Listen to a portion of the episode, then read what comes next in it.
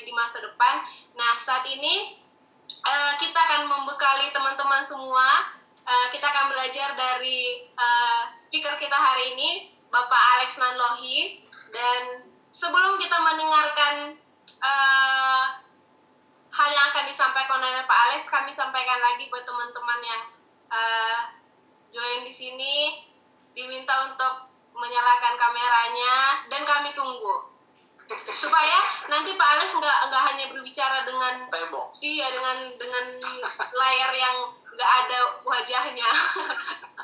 Yuk, tuh kan Puja lebih cantik kalau nyalakan kameranya ya. Ayo Ayo. puja dicari puji kan. Agnes,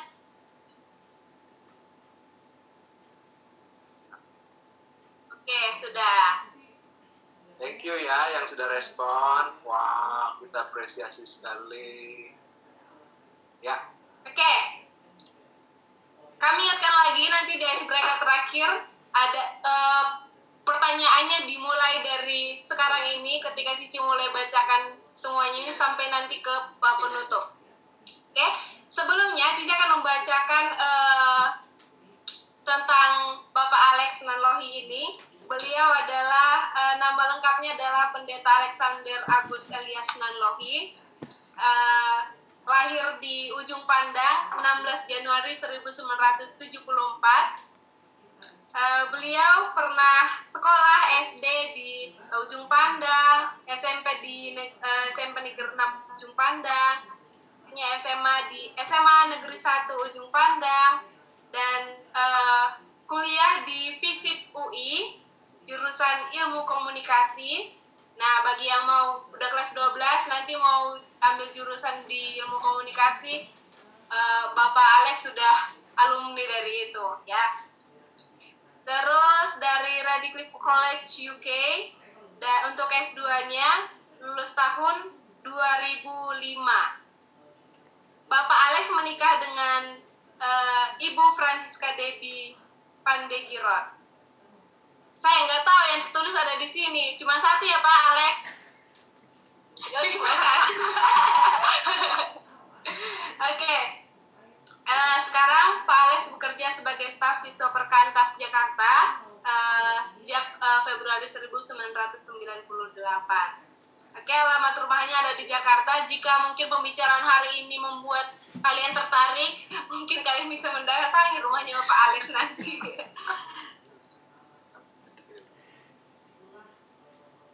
Oke, Bapak Alex juga aktif melayani sebagai eh, koordinator posta fisik UI tahun eh, 1995 sampai 96. Mungkin ini waktu kuliah.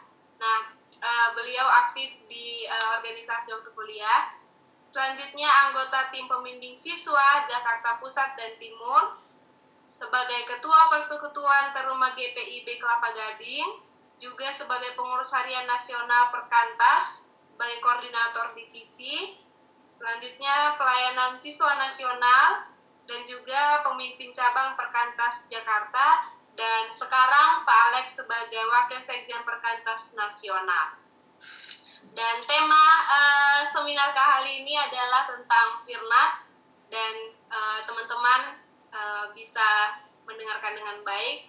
Kami persilakan kepada Pak Alex untuk eh, mulai. Shalom Selamat sore teman-teman sekalian. Pertama-tama saya bersyukur buat kesempatan ini uh, boleh sharing dengan teman-teman sekalian. Dan ya ini satu materi yang menarik jadi pergumulan kita juga di tengah-tengah situasi seperti pandemi ini menjadi lebih real begitu ya. Bahwa uh, kita melihat kepada apa yang terjadi dan kemudian kita pun boleh sama-sama merefleksikan apa yang menjadi ketakutan kita dan bagaimana kita menghadapinya ke depan. Nah, tadi uh, sudah dimulai gitu ya, teman-teman ada yang sharing gitu ya. Tapi sekarang uh, mungkin uh, Kak Alex ingin kita sharing juga satu sama lain. Tapi pertanyaannya seperti ini ya, teman-teman bisa lihat ada sekian emoticon yang muncul. Coba dalam waktu satu menit ini, bagaimana engkau menggambarkan perasaanmu? Jadi yang ditulis nomornya saja ya kita ya just share ya, kita jujur dengan situasi, kita tidak sedang ini bukan masalah benar salah, tapi apa yang teman-teman uh, alami, rasakan. Nah, coba kita bisa share di kolom chat maksimal dua pilihan ya, nomor berapa sama nomor berapa gitu. Silakan. Saya kasih waktu, kita bisa sama-sama sharing. Oke, oke, ada yang nomor satu, Silakan teman-teman yang lain.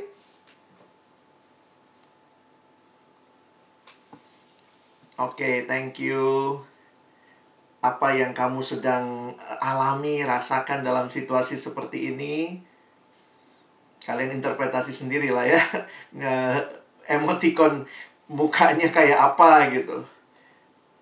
Oke. Okay. 30 detik lagi. Thank you teman-teman yang udah respon.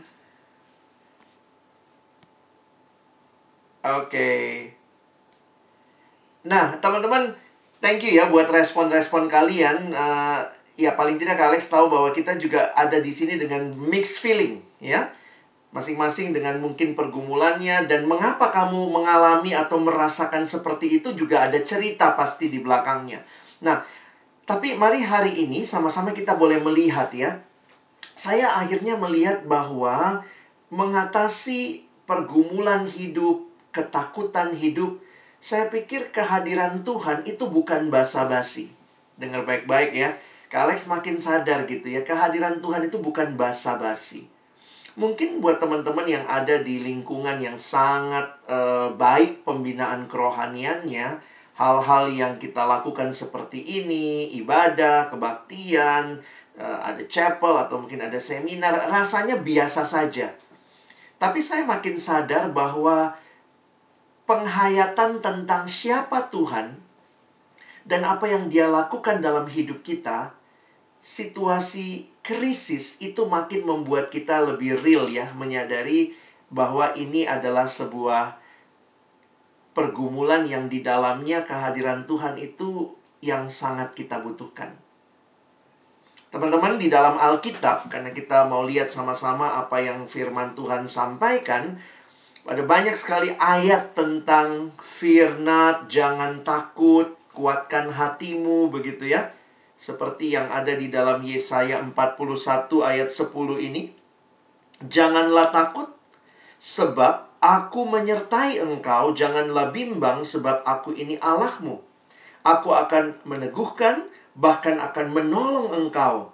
Aku akan memegang engkau dengan tangan kananku yang membawa kemenangan.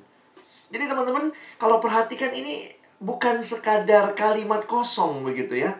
Tapi apa yang Tuhan nyatakan bagi umat Israel pada waktu itu dan bagi kita orang-orang percaya saat ini itu kita nikmati juga. Bahkan dalam uh, ada yang yang coba hitung ya, teman-teman tentang kata fear not ini atau jangan takut.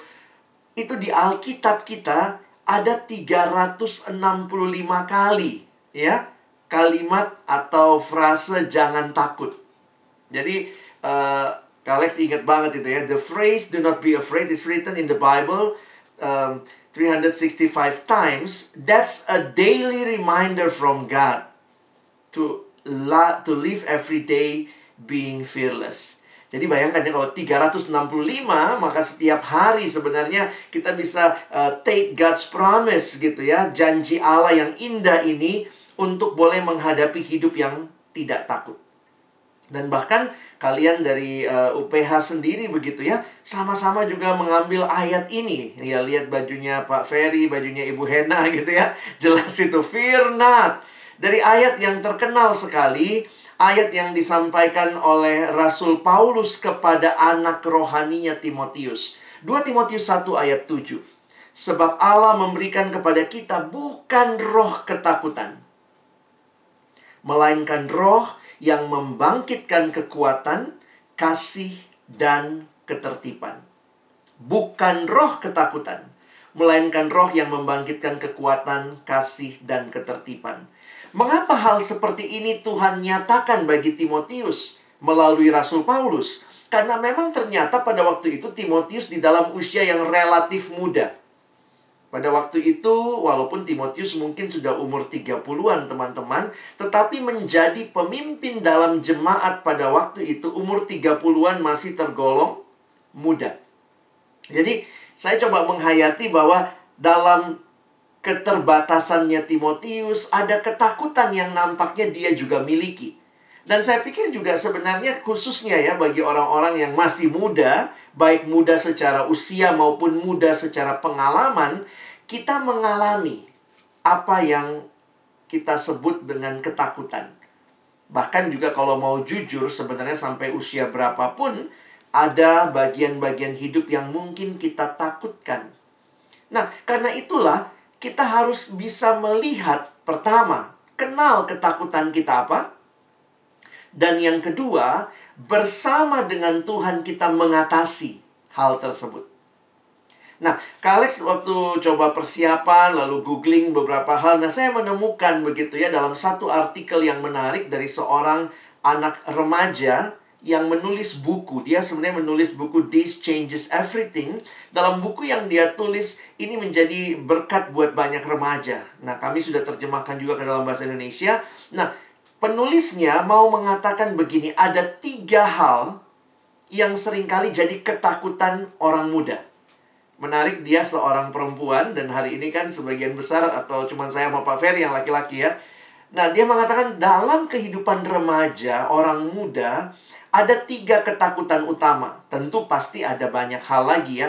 Tapi dia katakan ada tiga ketakutan utama yang biasanya melanda kehidupan orang muda. Nah kita lihat sama-sama ya. Pertama adalah fear of the future. Ketakutan akan masa depan. Teman-teman kita harus ya jujur lah ya bahwa ternyata memang masa depan itu karena nggak bisa kita pahami seutuhnya, kita nggak tahu sepenuhnya, itu biasanya menimbulkan ketakutan. Belum lagi kalau kita bicara what next. What next? Tadi dalam kesaksian alumni kalian juga melihat begitu ya. Kita nggak suka dengan ketidakpastian. Tapi dalam realita hidup ternyata kita diperhadapkan dengan banyak ketidakpastian. Dan bagaimana kita menyikapi ini? Fear of the future Teman-teman, satu waktu saya uh, ingat ada pengalaman waktu datang ke tempat praktek dokter, seorang teman, ayahnya dokter, saya datang itu sebenarnya mau ketemu teman saya, tapi saya disuruh tunggu di ruang tunggu pasien gitu ya. Nah, waktu saya keliling-keliling lihat ruang tunggunya, ada satu lukisan yang menarik perhatian Kak Alex waktu itu. Apa yang menarik? Ada satu gambar lukisan atau foto lah kira-kira seperti itu. Dan itu adalah gambar dalam sebuah pantai, gambar sebuah pantai di mana ada matahari terbit. Jadi ada matahari terbit di ujung, lalu itu pantai yang agak panjang, lalu kemudian ada matahari terbit. Dan kemudian di dekat matahari itu ada kalimat pertanyaan. Do you afraid about tomorrow? Apakah engkau takut akan hari esok? Lalu kemudian di bagian bawahnya dengan huruf besar semua, seolah-olah mewakili jawaban Tuhan. Kalimatnya begini. Do not afraid about tomorrow. I was there. Wah, itu waktu saya baca dan kita ngerti bahasa Inggris ya. Apa bedanya I am there dengan I was there? apa yang bagi kita masa depan di dalam pemahaman pemikiran yang luas yang kita tahu kita punya Allah yang tidak terbatas oleh waktu kalimat itu memberikan ketenangan sesuatu yang kita takutkan di masa depan. Tetapi Tuhan kita Tuhan yang sudah melaluinya. I was there. Wah saya ingat sekali gambar itu. Dan itu dalam beberapa kali pergumulan hidup ya masih alami juga. Kadang-kadang merasa takut melangkah what next apalagi situasi yang nggak pasti seperti ini. Tapi kembali kita diingatkan bahwa kita harus lakukan bagian kita tapi kemudian di sisi yang lain kita berserah dan percaya kepada pimpinan Tuhan. Amsal pasal yang ke-23 ayat 17 dan 18 juga memberikan peneguhan bagi kita. Janganlah hatimu iri kepada orang-orang yang berdosa, tetapi takutlah akan Tuhan senantiasa. Ayat 18, karena masa depan sungguh ada dan harapanmu tidak akan hilang. Ini janji Tuhan bahwa kita punya masa depan bersama dengan Tuhan. Hal kedua yang sering kali jadi ketakutan orang muda adalah takut gagal. Nah, bisa jadi kita dihantui kegagalan kita di masa lalu. Dan balik lagi seperti yang tadi ya, ketakutan kita akan masa depan. Dan termasuk juga takut mengulangi kegagalan. Atau takut gagal lagi. Gimana ya? kalau nanti saya gagal lagi, saya pernah gagal. Jadi, memang kegagalan menjadi salah satu ketakutan yang juga sering kali dialami. Teman-teman, hidup itu bergerak maju. Hidup itu linier, bukan sirkular. Kalau sirkular itu muter, nggak ada ujung pangkalnya. Tapi kekristenan berbicara hidup yang linier. Hidup yang dimulai di satu titik bergerak maju dan tidak bisa balik. Karena itu kita harus punya prinsip mengerti hal ini bahwa apa yang sudah berlalu tidak mungkin kita ubah. Yang udah lewat nggak bisa kita ubah. Yang teman-teman dan saya bisa ubah itu yang ke depannya. Nah, di sinilah saya pikir penting sekali buat kita menghadapi kegagalan itu bagaimana? Maka kita belajar berdamai dengan masa lalu kita Jangan hidup di dalam penyesalan, jangan hidup di dalam uh, menghakimi diri atau menghukum diri, tapi hiduplah di dalam terang masa depan yang pasti yang Tuhan ada di sana dan Tuhan mau kita terus berjalan maju. Apakah kalau demikian kita nggak mungkin gagal lagi? Saya pikir namanya manusia, kita mungkin gagal lagi, ketakutan akan gagal itu sebenarnya nggak beralasan. Kalau memang kita masih mungkin gagal, maka yang perlu kita pahami bukan masalah kegagalannya, tapi bagaimana bangkit dari kegagalan. Karena itu ada kalimat yang indah mengatakan begini, bukan berapa kali kamu gagal yang penting dalam hidupmu. Tapi ketika engkau gagal, berapa kali engkau bangkit, itu penting buat kehidupan kita. Dan di sinilah kita melihat betapa pentingnya kehadiran Tuhan yang ada dan menopang kita. Yang ketika kita jatuh, kata Alkitab, kata firmannya, tidak sampai tergeletak, tapi Tuhan menopang. Amsal kembali mengingatkan kita, percayalah kepada Tuhan dengan segenap hatimu. Belajar untuk jangan bersandar kepada pengertianmu sendiri. Dan akuilah dia dalam segala lakumu. Apa sih artinya akui dia dalam segala lakumu? Berarti seluruh langkah-langkah kehidupan kita, setiap tindakan-tindakan yang akan kita lakukan ke depan, mari kita benar-benar berserah kepada Allah. Mengakui dia dalam setiap langkah kehidupan kita. Maka janjinya ia akan meluruskan jalan kita. Teman-teman, jangan takut dengan kegagalan tapi takutlah ketika engkau berjalan tanpa Tuhan. Saya pikir itu sebenarnya kegagalan yang paling paling menyedihkan. Tetapi ketika engkau gagal, mungkin karena kesalahanmu, kamu kurang teliti, kamu kurang serius belajar, dan kamu tahu saya gagal, kamu bangkit dari situ, belajar dari kegagalan, dan berserah kepada Tuhan, maju bersama Tuhan. Saya pikir itu jadi kesempatan yang indah. Masa lalu tidak bisa kita ubah, tapi masa depan kita bisa antisipasi. Bagaimana engkau akan hidup? Apakah engkau akan hidup sembarangan? Atau engkau akan hidup lebih hati-hati, lebih kerja keras, lebih rajin, maka masa depan akan jadi bagianmu sebagaimana yang Tuhan janjikan. Masa depanmu sungguh ada. Dan yang terakhir, ini masa-masa remaja ya. Masa-masa muda biasanya juga masa di mana kita lagi membutuhkan sahabat. Dan memang sebenarnya dalam kehidupan kita selalu butuh sahabat. Kenapa? Karena Tuhan memang menciptakan kita sebagai manusia yang membutuhkan manusia lain. Masih ingat waktu Tuhan mencipta ya? Waktu Tuhan mencipta dikatakan uh, semuanya baik. Jadi hari pertama baik, baik, baik sampai sungguh amat baik. Nah, pertama kali di Alkitab kita muncul kata tidak baik itu di Kejadian pasal 2 ayat 18. Ada kalimat tidak baik kalau manusia itu seorang diri saja. Jadi sebenarnya manusia sebagai makhluk sosial itu bukan cuma teori sosiologi teman-teman. Itu adalah desainnya Allah bagi hidup kita di mana seorang manusia butuh manusia yang lain. Kadang-kadang kita pikir ayat itu uh, tidak baik kalau manusia itu seorang diri, kesannya hanya buat pacaran begitu ya, buat pernikahan. Memang konteks ke bawahnya adalah pernikahan, tetapi ketika melihat dasar kemanusiaan yang di mana satu orang membutuhkan orang yang lain. Saya pikir ini yang harusnya kita juga hayati ya. Nah, yang paling menyedihkan ketika kita tahu bahwa relasi indah itu Tuhan ciptakan, ternyata juga kan manusia jatuh dalam dosa. Berarti salah satu yang terkontaminasi oleh pengaruh dosa adalah juga tentang relasi. Teman-teman masih ingat apa yang terjadi? Ketika Tuhan tanya Adam, kau makan buah pohon itu, relasi yang indah antara Adam sama Hawa, eh jadi rusak. Dan Adam menyalahkan ini perempuan yang kau tempatkan di sisiku.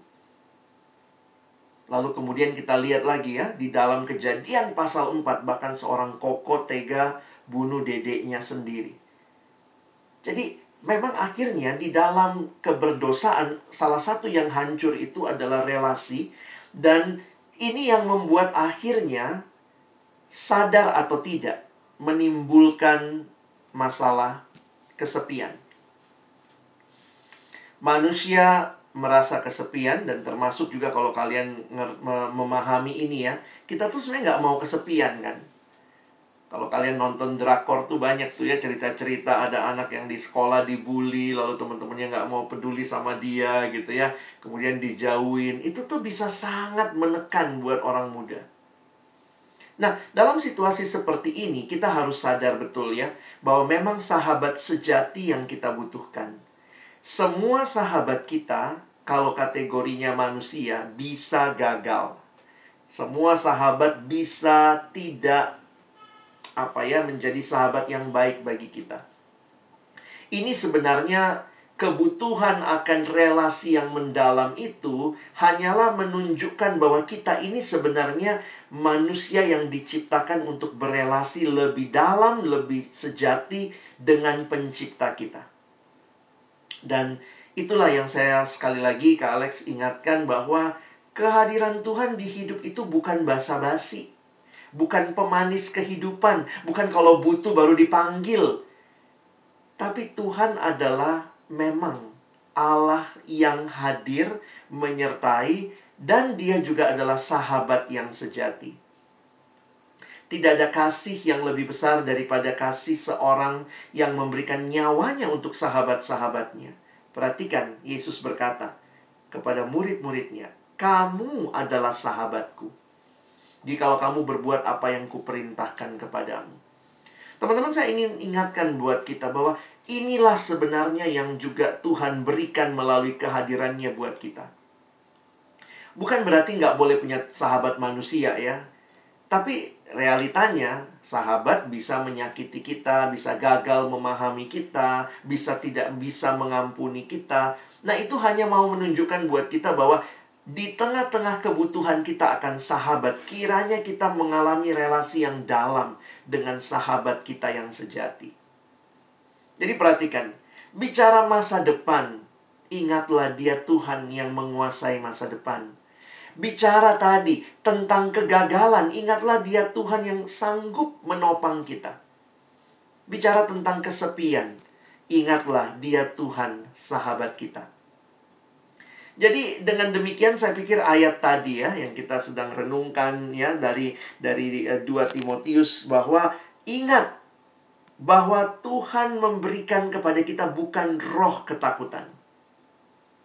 Para penafsir Alkitab hampir sepakat bahwa di sini yang dimaksud adalah Roh Kudus. Jadi roh yang diberikan kepada kita adalah roh yang yang seperti apa? Roh Allah sendiri. Karena itu dalam terjemahan AMD Alkitab mudah dibaca ya, ada versi Alkitab mudah dibaca. Terjemahannya begini ayat 7. Roh Kudus yang telah diberikan Allah kepada kita tidak membuat kita takut. Kenapa? Karena kalau ada Roh Kudus di hidup kita, ada di dalam hati kita, dialah sumber kuasa, sumber kasih dan penguasaan diri. Nah, ini yang harus kita hayati, teman-teman. Kita takut masa depan. Jangan kemudian cari yang lain-lain, cari dukun lah, andalkan uangnya papi mami lah. Memang mereka punya duit, mereka bisa biayai kamu, tapi pertanyaannya apakah kita menggali sumber utama yaitu Roh Kudus yang diberikan di hati setiap kita yang percaya. Dia yang memberikan kuasa untuk kamu bisa melangkah ke masa depan. Roh Kudus adalah sumber kasih, sumber penguasaan diri. Ini yang kita butuhkan untuk melangkah ke depan. Dan kita tahu bahwa kalau kita ada di dalam Kristus, maka kita punya Roh Kudus di dalam hidup kita. Dan karena itu kita tidak lagi hidup seperti manusia lama. Ya, 2 Korintus 5:17 mengatakan siapa yang ada dalam Kristus, ia adalah ciptaan baru. Yang lama sudah berlalu. Semua ketakutan, semua keraguan, kesepian. Harusnya waktu kita ada dalam Tuhan, semua itu berlalu karena sudah datang yang baru, yaitu kehadiran Tuhan melalui rohnya yang kudus, yang memimpin kita. Dialah sumber kasih, sumber kuasa, sumber penguasaan diri. Nah, bagaimana respon kita? Kalau kita tahu bahwa kita butuh Tuhan, Tuhan itu bukan basa-basi buat hidup kita. Tuhan tuh bukan basa-basi buat ketakutan-ketakutan kita. Maka Kak Alex pikir kita harusnya memiliki, mengalami relasi personal dengan Tuhan. Jangan cuma jadi orang yang tahu tentang Tuhan. Tapi apakah pengetahuanmu tentang Tuhan telah membawa transformasi dalam hidupmu? Ada kalimat yang saya kutip dari Nicky Gamble, dia mengatakan kalimat ini.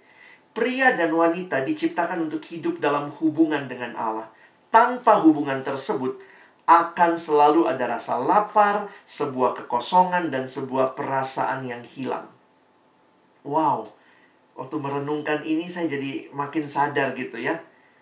Berarti saya harus punya relasi dengan Tuhan. Dan Nicky Gamble melanjutkan dengan kalimat ini. Sekali engkau memiliki hubungan dengan Allah, maka tujuan dan arti kehidupanmu akan semakin jelas. Why? Karena sebenarnya your identity and your purpose come from God. Bagaimana menghadapi masa depan yang tidak pasti? Bagaimana menghadapi ketakutan akan kegagalan? Bagaimana menghadapi ketakutan akan kesepian? Ternyata yang diingatkan dalam firman Tuhan diingatkan kembali who you really are. Dan menariknya, ini terkait dengan Tuhan. Who you really are bukan terkait dengan berapa banyak uang yang kamu punya, berapa pinter kamu di sekolah. Itu kita butuhkan dalam hidup. Tapi ketika itu tidak ada pun, your identity is never based on how much money you have. How good you're great at school karena identitas yang utama adalah di dalam Tuhan. So first, build your identity firmly, strongly in Jesus. your true identity as image of God. Kadang-kadang menarik ya, saya lihat ini dua sisi ya. Jangan sombong, kita mesti humble karena kita bukan Allah, kita cuma gambarnya Allah. You need to be humble. But at the same time, not only humble, we also have dignity. Because we are not just image, but we are the image of God. Kamu bukan cuma gambar, tapi kamu gambarnya Allah. Thinking of image make us humble. We are only image. But thinking of God, who made us in His image, help us to live out a life with dignity. So at the same time, humbleness and dignity, that is our true identity. True identity, true self identity, not gain. Bukannya kita mesti usaha supaya dapat itu. Tetapi Alkitab mengatakan given by the creator. Allah yang kasih itu buat kita. Kadang-kadang ada orang tua suka ngomong gini ya. Begitu anaknya lulus, iya nih anak gue udah jadi orang. Eh, emang sebelumnya monyet gitu ya. Itu kenapa? Karena penghayatannya itu caranya dunia berpikir. Ayo, kamu mesti berhasil ini, berhasil ini, berhasil ini. Baru kamu anak mama. Loh, tadinya anak siapa? Tapi Alkitab mengatakan, kamu dan saya dari awal Tuhan bilang, kamu image of God. Tuhan nggak bilang gini, lakukan ini, ini, ini, lulus bagus dulu, baru kamu image of God. No. True self identity is given by God the Creator. You don't have to prove anything to gain acceptance from God, your Creator. In God, you are accepted, you are loved, you are precious. Jadi jangan takut. Aduh Tuhan, gimana masa depanku? Kamu dikasihi Tuhan. He is your God. Your loving God is with you through your journey of life. Dan karena itu kamu punya purpose. Identity mu firm, your purpose also firm. Purpose-nya apa? Ya bukan menjadi apa yang kita mau semata-mata, tapi sebenarnya jadilah seperti yang kau ingini. Saya senang lagu itu ya. Jadilah padaku seperti bukan yang ku ingini. Setiap kita punya keinginan untuk diri kita, but please keep in your mind your creator punya purpose yang lebih indah, lebih besar, bahkan yang lebih luar biasa dibanding yang kamu punya untuk dirimu sendiri. Miliki relasi dengan Tuhan supaya makin jelas purpose-mu. Dan dalam Alkitab kita dikasih tahu ya, kita itu bukan owner. Kita cuma steward. Ya, kita bukan owner, kita cuma steward. Berarti ini punya siapa semuanya? Ini punyanya Tuhan. Yang kita lakukan adalah stewardship. Dan mari kita bangun. Kalau saya berhasil, saya memberikan yang terbaik. Sebenarnya ini semua punya Tuhan, maka all the glory all the glory is for God. Kalau engkau punya relasi dengan Tuhan, you have a firm identity, you have a strong and clear purpose. Saya pikir ini akan menolong kamu juga untuk tidak takut menghadapi kehidupan. Karena Allah menyertai kita. Dia berjalan bersama dengan kita. Nah, kiranya pemahaman ini menolong teman-teman untuk semakin bisa menatap masa depanmu dengan tidak takut dan serahkan hidupmu terus bergantung pada Tuhan. Amin.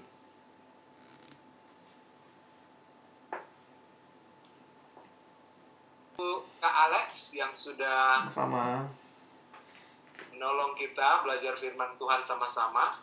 Satu pesan yang sangat powerful dan saya berharap uh, kita semua bukan hanya disegarkan sesaat, tapi kita akan membawa ini terus, kita ingat terus, kita berdoa Roh Kudus akan metraikan itu ya, zeal di dalam hati kita dan lakukan. Oke, mari kita berdoa singkat menutup uh, sharing firman Tuhan. Allah yang hidup, Allah yang menciptakan kami dan setia menopang kami. Allah yang memilih kami untuk menjadi anak-anakmu sebelum kami lahir, bahkan sebelum dunia ini diciptakan. Sebuah kasih karunia yang besar bagi setiap kami yang percaya kepadamu. Dan biarlah ya Tuhan, firmanmu ini Tuhan meteraikan Sebagai manusia, sangat manusiawi kami takut, tapi kami ingat kami bukan saja manusia, tetapi kami adalah orang-orang, pribadi-pribadi yang dikasihi Tuhan. Yang Tuhan selalu hadir dalam hidup kami. Ya Tuhan, biarlah mengingat kebenaran ini, kami diteguhkan untuk terus maju, walaupun dalam situasi pandemik eh, COVID-19 seperti ini, dalam semua situasi yang berubah, yang tidak kami pikirkan sebelumnya, kami mau maju melangkah dan melihat krisis ini di dalam kuasa Tuhan menjadi kesempatan yang membentuk kami menjadi anak-anak, menjadi pribadi-pribadi yang makin kuat di dalam Tuhan untuk Tuhan pakai di tengah dunia ini dengan apa pun talenta, passion yang Tuhan berikan kepada kami. Terpuji nama dalam nama Tuhan Yesus kami berdoa dan bersyukur. Amin. Halo Krisli. Hai Krisli Felis. CH, CH. CH. Ada CH, ada CH di bawah. CH. Oh, halo Kak. CH. Sharing dong. CH punya ketakutan nggak yang bagian pertama tadi? Takut akan masa depan. Kira-kira ada nggak hal yang di-sharingkan dari takut akan masa depan ini? Kalau aku ya nggak nggak yang masa depan kayak bener-bener masa depan sih lebih ke yang kayak Kamu CH. Sok- nggak bisa dinyalain kameranya Kenapa? nggak tahu nggak bisa itu bohong itu Itu eh, apa adik-adik kita tuh mau kenalan loh CH. bohong lo CH lo Ini ini artis bentar. ini. enggak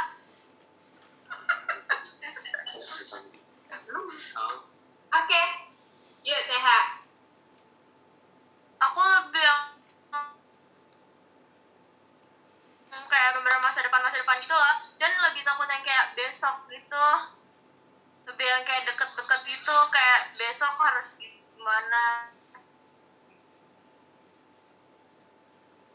Besok harus gimana dalam hal apa nih? Takut besok nggak ada makanan, takut besok ada PR yang belum selesaikan, gimana kira-kira? Ada nggak contohnya?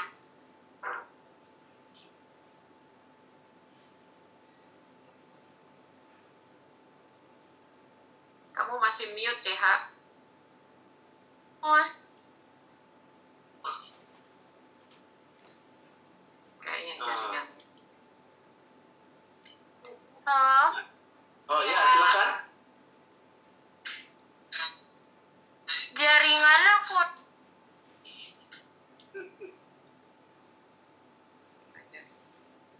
Oke, Tuh si Pamela, tuh Pamela. oke. Nanti mungkin bisa sharing ya pribadi. Pamela, mana Pamela? Pamela anaknya Gladys. hai hai hai Hai Pamela. hai Ada pertanyaan nggak? Kira-kira kamu ada ketakutan nggak di tiga aspek tadi? Mumpung ada Kak Alex nih, bisa sharing. Kalau pertanyaan sih mungkin belum ada sih. Kalau sharing mungkin lebih ya tiga-tiganya sebenarnya takut sih. Iya nggak sih semua orang takut sih. Hmm, aku lebih takutnya sama yang kegagalan sih. Kan aku juga lagi daftar-daftar kuliah.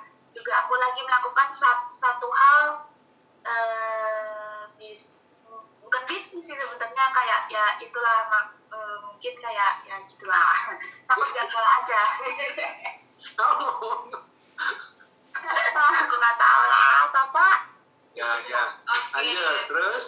Sip. ya udah sih dia gitu aja takut gagal aja kan takut kecewain mama papa kan Oke.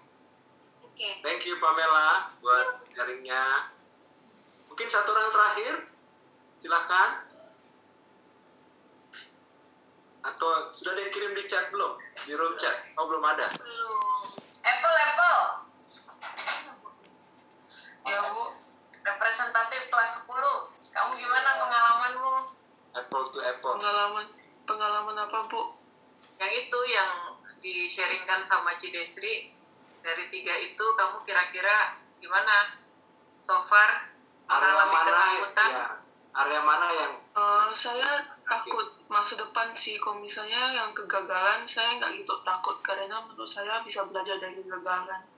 Hmm, wah kamu sangat positif melihat kegagalan keren tapi masa depan yang belum kelihatan ya? Iya. Ya. Tapi apa yang kamu ingat dari sharingnya Kak Alex tadi merespon ketakutan akan masa depan? tadi eh, Pak Alex sudah bilang nggak boleh takut karena pasti Tuhan menyertai gitu gitu Oke. Karena Tuhan tidak dibatasi oleh masa depan ya. Dia bahkan ada di masa depan datang mendekati kita. iya dia I was there and now I am here. Wah itu keren. Kalau ditambahin lagi ya. hmm. Ya, Jadi you, yang dari pesan datang mendekati dan bersama dengan kita. Thank you. Ya, oke aja. Oke, eh, kita lanjutkan. Nah, karena tidak ada pertanyaan,